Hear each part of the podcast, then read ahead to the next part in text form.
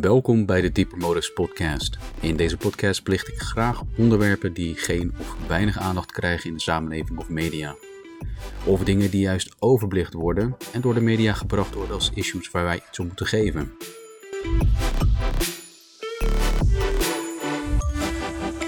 In deze aflevering wil ik stilstaan bij ESG, SDG's, Smart Cities en 15-Minute Cities waarbij regels en strafkaarten, naar mijn mening, maar naar één uitkomst kunnen leiden.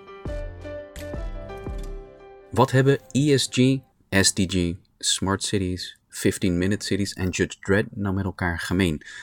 Zoals met alles uh, wordt er een perfect plaatje geschetst, uh, waarbij je een zogenaamde roadmap hebt waarlangs men zou moeten wandelen om bij dat perfecte plaatje uit te komen. Nou, het is natuurlijk al min of meer op vrijwillige basis, omdat ze door middel van manipulatie en dreiging van rampen die jouw kant op zouden komen, jou ervoor zorgen dat jij vrijwillig een kant oploopt, zodat er zo min mogelijk weerstand is. Verplichte disclaimer die natuurlijk hoort bij onderwerpen zoals dit. Uh, ik ben erg pro-natuur, maar zeker ook pro-mens. En hoewel ik vind dat men zeker weten schoner en uh, betere technologie moet uitvinden voor de manier waarop wij dus industrie uh, toepassen, vind ik ook zeker dat wij minder moeten gaan vervuilen in ons persoonlijke leven. Je, ruim gewoon je shit op. Kijk, in de steden waar het gewoon enorme zooi is, dat kan niet. Je moet gewoon met respect met de planeet omgaan. Betekent niet overigens dat dat dan voorrang heeft zonder erbij na te denken. Want ik ben bewust van het feit dat wij mensen zijn. En daardoor ben ik unapologetically speciesist. Weet je, misbruik van dieren is slecht. Behandel ze met respect en met liefde, ook terwijl je ze eet. Maar wij, de mens, wij, wij zijn het enigste soort op aarde met zelfreflectie. En die zelfreflectie die stelt ons in staat om de wereld op een hele andere manier te waarderen dat andere dieren doen. Want zonder deze human experience is er eigenlijk geen waarde toegekend aan deze aarde. Is het gewoon alleen maar het leven wat zijn gang gaat. Het begint allemaal bij Agenda 21. In 1992 is dit een document, een, plan wat opgesteld is door de Verenigde Naties en gepresenteerd in Brazilië. Het bijzondere is dus dat dit 30 jaar geleden al was. En uh, de drukkende catastrofes die ze toen natuurlijk voorspelden, waaraan de wereld ten onder ging, daar is zo goed als niets van terechtgekomen. Om dit plan natuurlijk nog wel naar binnen te kunnen douwen, heeft het een aantal iteraties gehad. Dus je had Agenda 21, uh, uh, United Nations Agenda 2030. En uiteindelijk zijn we dus nu aangekomen bij de United Nations Sustainable Development Goals, oftewel de SDG's. De Sustainable Development Goals zijn 17 zogenaamde doelen, waarvan de Verenigde Naties zegt dat de wereld hier veel meer aandacht en geld en energie in moet steken. Deze bijna religieuze doelen, die klinken allemaal heel mooi en vredig. En als je ze voor het eerst hoort, dan zou je ook zeggen van ja, klinkt logisch. Maar voornamelijk zijn het doelen die heel erg veel kapitaal opslokken, zonder dat ze eigenlijk ook echt iets teruggeven. Weet je, het, het, klinkt een klein beetje als een opsomming in een misverkiezing, waarbij zo'n vrouwtje dan gevraagd wordt: wat zou je doen als je almachtig was? En de standaard antwoorden van uh, world peace, no hunger. Ja, is, daar zijn dit soort doelen heel erg op uh, gebaseerd. Het grappige was overigens wel, als je dus op de website van de Verenigde Naties kijkt, dat er uh, een aantal uit het lijstje waar een probleem geïdentificeerd wordt en reactie is op corona. En dan nog niet eens corona zelf, maar de reactie van de overheid op corona, die dus een negatief effect heeft. Het mag hierbij ook genoemd worden dat het nu gaat over een lijstje met alleen intenties en geen consequenties. Maar dat zijn dit soort dogmatische religieuze lijstjes heel goed voor. Als we beginnen bij uh, SDG 1. Ik ga ze niet allemaal doornemen, maar ik wil er wel een aantal highlighten zodat je een beetje een idee hebt waar het, waar het over gaat. De eerste is no poverty. Dus we willen dat iedereen niet meer arm is. Nou, dat is een beetje in strijd met het huidige beleid wat gevoerd wordt natuurlijk. Dat we met z'n allen door een bizarre inflatie gaan. Waardoor eigenlijk nog meer mensen dus naar beneden gedrukt worden. Dus ik weet niet precies hoe dit nou zou moeten werken. Zero hunger, dat is nog zo'n utopisch doel. Kijk dat ze aangeven dat er soaring food prices zijn. Ja, dat klopt. Komt inderdaad een klein beetje door de crisis in, in Oekraïne. Maar dit zag iedereen aankomen. Ik zag het aankomen. En ik zit niet in de overheid. Ik heb geen overleg met Poetin of met andere wereldleiders. Maar ik zag dit aankomen. Hoe kan het zijn dat andere mensen dit niet zagen aankomen? Naar mijn beleving kan dat dus ook niet. Dus wat er nu gebeurt, dat is gepland. En inflatie die eraan gekoppeld is natuurlijk ook. Punt 3 is good health and well-being. Dat is een niet-zeggend punt natuurlijk. Ze geven aan dat 92% van de landen een disrupted health service hadden. En dat is uiteraard door overheidsbesluiten. Anxiety and depression on the rise. Dat komt wederom door de besluiten van de overheid. Overheden hebben hier volgens mij ook nog nooit excuses voor aangeboden. Dat ze dus uh, plannen in werking hebben gesteld die een zeer negatief effect hebben gehad op hun burgers. Dus wederom getuigt dit eigenlijk van het afvinken van een item op een lijstje.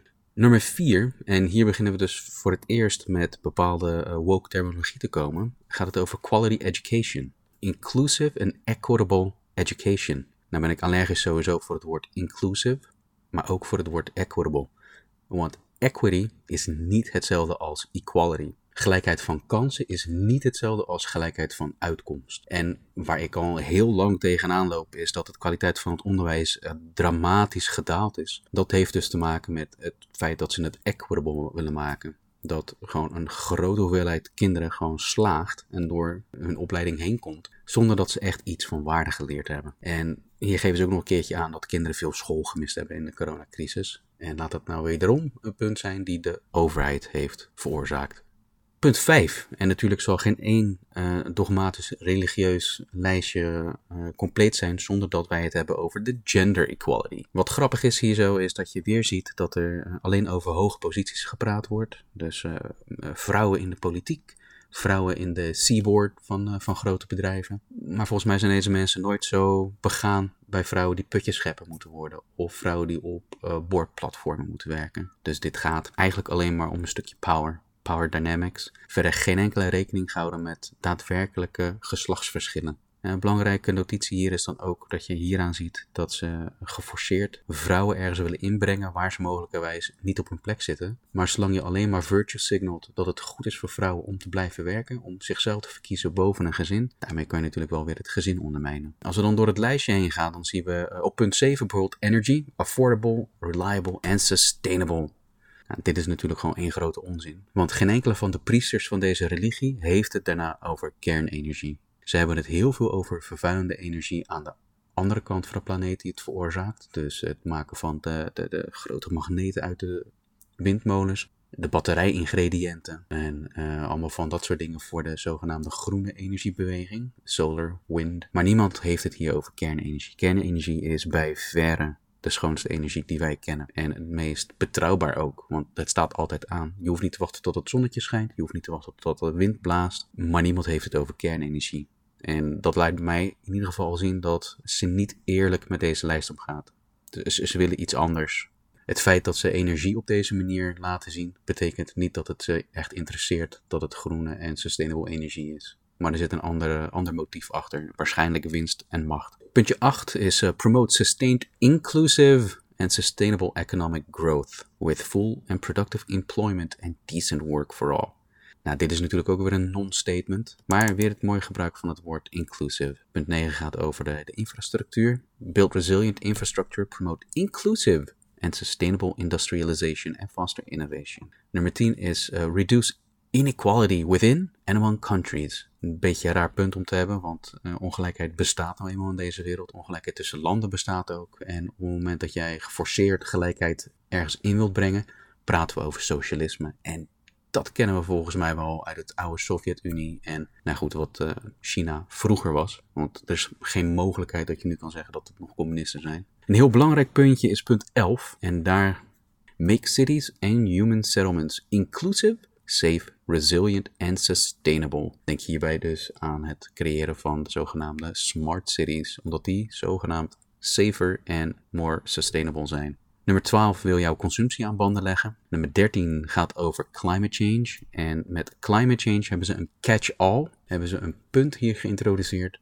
waarbij ze dus eigenlijk belastinggeld en alle andere investeringen vanuit jouw zak direct ergens anders in kunnen steken. Als dit economisch motief niet in deze lijst had gestaan, dan had het misschien wel uh, anders gelezen. Maar dit zijn een van die punten waaruit je ziet dat het, het gaat ze niet om die climate change. Want geen enkele van de dingen die ze zeggen dat ze willen implementeren, heeft ook daadwerkelijk echt effect gehad. Maar ondertussen zijn er miljarden euro's naartoe gegaan. Nummer 14 uh, eh, gaat over onze oceanen. Het beschermen daarvan, hartstikke mooi natuurlijk. Nummer 15 is het uh, beschermen en het herstellen van de ecosystemen hier en daar. En daarmee ga je eigenlijk dus mensen terugdraaien naar een andere staat van leven, zodat zogenaamd forests en, en andere landsystemen dus weer uh, op kunnen bloeien. Nou, hiermee stel je mensen eigenlijk ondergeschikt aan uh, de, de, rest van de planeet. Nummer 16 is het promoten van uh, promote peaceful and inclusive societies for sustainable development and provide access to justice for all and build effective, accountable and inclusive institutions at all levels. En als laatste sluiten ze af met nog een catch-all punt, nummer 17. Strengthen the means of implementation and revitalize the global partnership for sustainable development. Dus trek partners aan en zorg ervoor dat, whatever means necessary, deze doelen ergens door iemands strot geduwd worden. Belangrijk is daarbij natuurlijk aan te geven dat deze doelen alleen in het Westen gepromoot worden en verwacht wordt dat eigenlijk alleen het Westen hier ook nog iets mee gaat doen. Want wij houden onszelf eigenlijk alleen aan die regels. Want je gelooft toch niet dat India en dat China hier iets mee gaan doen? Of dat Brazilië of Zimbabwe zich ergens iets van aantrekt? Dat er een lijst is met een aantal puntjes. Weet je, het, het probleem met het focus op SDG's is dat er weinig tot geen impact met deze beleidsvormen gerealiseerd wordt zoveel tijd, energie en met name geld gaat in deze projecten zitten. En die de planeet volgens de goals beter zouden moeten maken. Maar gek genoeg uit een, uh, een metastudie uit, uit Utrecht laat het zien dat wetenschappelijk aantoonbaar is dat er eigenlijk weinig tot geen impact is. Behalve geringe politieke impact die te merken is in de afgelopen jaren. En dat laat zien dat de SDG's, net als de klimaatcrisis hoax, een powerplay is om regels op te stellen en een beperkende persoonlijke vrijheidsagenda te implementeren voor de meest welvarende landen. Het komt natuurlijk neer op uh, rules for thee, but not for me, en dat op meerdere niveaus. Dit is duidelijk groenwassen van geld en het creëren van machtsposities over anderen. Maar aangezien we het over geld hebben, omdat het schijnbaar de enige pressiemiddel is wat er bestaat, zijn multinationals hier gaan inzetten op drie andere letters, gebaseerd op de SDG's, en dat zijn namelijk de ESG's. Ik zeg altijd maar ESG, weg ermee. Uh, per definitie is ESG, wat er staat voor Environment, uh, Social en Governance, een collectie aan zachte meetpunten die toetsen hoe woke een bedrijf is. Of, uh, ik bedoel, hoe goed een bedrijf de SDG's lijkt op te volgen. En ik zeg hier ook echt lijkt op te volgen. Niet het resultaat van het bedrijf, dus het harde werk of de kennis of innovativiteit levert punten op. Nee, alleen hoe goed het bedrijf dogmatisch naar de lippen van de SDG-hoge priesters praat. En dat geeft jou credit scores. Weet je, dit is in essentie gewoon een, een, social credit score voor bedrijven. Absoluut niet iets waar iemand echt iets over zou moeten geven of waarde aan zou moeten toekennen.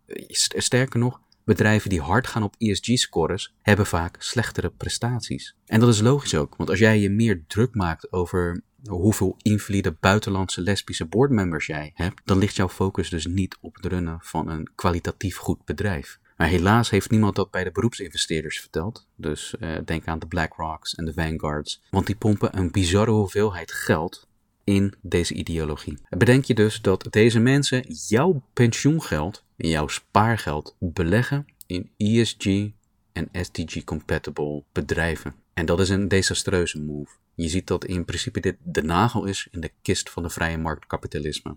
Iets waarvan je arguably kan zeggen dat het al veel langer aan het doodbloeden is natuurlijk. Als naast marketing en marktmanipulatie nu ook via arbitraire onthouding van leningen gezorgd wordt dat er winnaars en verliezers gecreëerd worden, waar zijn we dan mee bezig? En waarbij het concept van SDG's een blauwdruk neerlegt voor het inperken van de samenleving om binnen de SDG-meetpaaltjes te kunnen blijven zijn de ESG-scores de strafkaarten, dus de enforcing mechanisms, waardoor bedrijven en overheden zich genoodzaakt voelen om hier ook daadwerkelijk iets mee te gaan doen. En nogmaals, eh, dit klinkt allemaal heel mooi en lief, maar emotionele manipulatie kennen we ondertussen wel.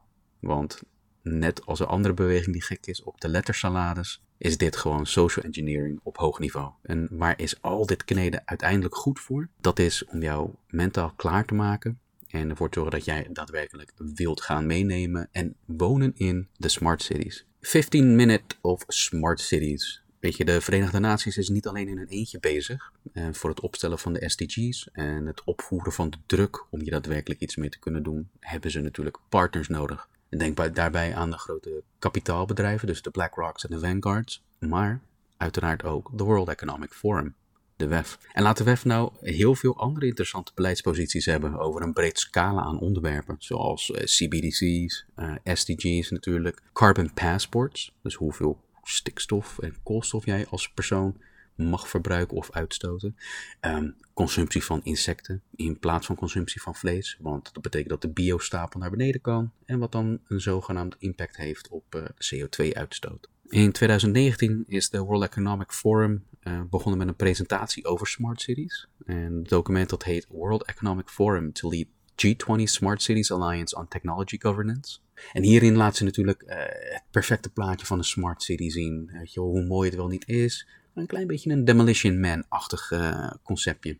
Dat de, bovenlaag heel fijn en mooi leeft in de 15-minute cities, waar alles gewoon geregeld wordt en nou automatisch aan elkaar gekoppeld is. En hier zijn een aantal steden die op voorhand al hebben gezegd van ja, daar willen wij wel in meedoen. Uh, Oxford, Parijs, Milaan, Melbourne, maar ook onze eigen Apeldoorn, die heeft zich ingeschreven hiervoor. En Nederland zou Nederland niet zijn als wij geen voorlopertje van de klas willen zijn om te laten zien hoe goed wij wel die, de regeltjes kunnen volgen. Dus ik ben benieuwd wanneer Apeldoorn hier daadwerkelijk stappen mee gaat ondernemen. 15-minute cities, dat is een concept waarbij eigenlijk alles wat jij nodig hebt binnen een bereik van 15 minuten lopen of fietsen valt. En daarbij gebruiken ze de Internet of Things uh, om diverse diensten en producten aan elkaar te kunnen knopen. Dus denk aan je wasmachine, je koelkast, en je betaalrekening, leveringsdiensten voor boodschappen. Zoals je koelkast merkt dat je melk op is, dan komt er een nieuwe melk binnen. Dus alles wordt aan elkaar geknoopt en uh, ja, dat vergemakkelijkt jouw leven enorm. En dat zijn natuurlijk de makkelijke dingen die komen. Maar waar het bij blijft haken qua uitleg is eigenlijk altijd de definities en de implementatie van zoiets. Neem bijvoorbeeld Oxford. Oxford gaat met uh, roadblocks, uh, wegversperringen in principe natuurlijk, de stad opdelen in zes stukken. En deze geautomatiseerde roadblocks heb je straks een vergunning voor nodig om daar doorheen te kunnen rijden. En heb je geen vergunning, dan heb je geen toegang. Of je krijgt simpelweg een boete.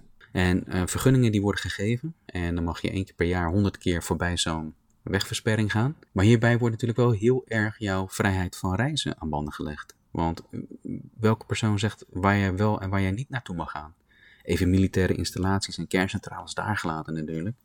Wie heeft het recht om te zeggen dat jij niet buiten jouw 15-minute bal zou mogen komen? En het is ook fijn dat dit allemaal automatisch gebeurt natuurlijk. Want op het moment dat jij een infractie maakt en de regels overtreedt, dan wordt het direct uit je account gehaald. Dus je spaarrekening is natuurlijk eigendom van de stad of van de bank, waar de stad dan weer natuurlijk banden mee heeft. En stel dat dat dus gekoppeld wordt aan een CBDC-account, dan wordt het gewoon helemaal automatisch uit je CBDC-account gehaald. En dit wordt natuurlijk allemaal teruggekoppeld in jouw persoonlijke digitale paspoort, waar alle andere dingen aangekoppeld worden. Wat is je vaccinatiestatus?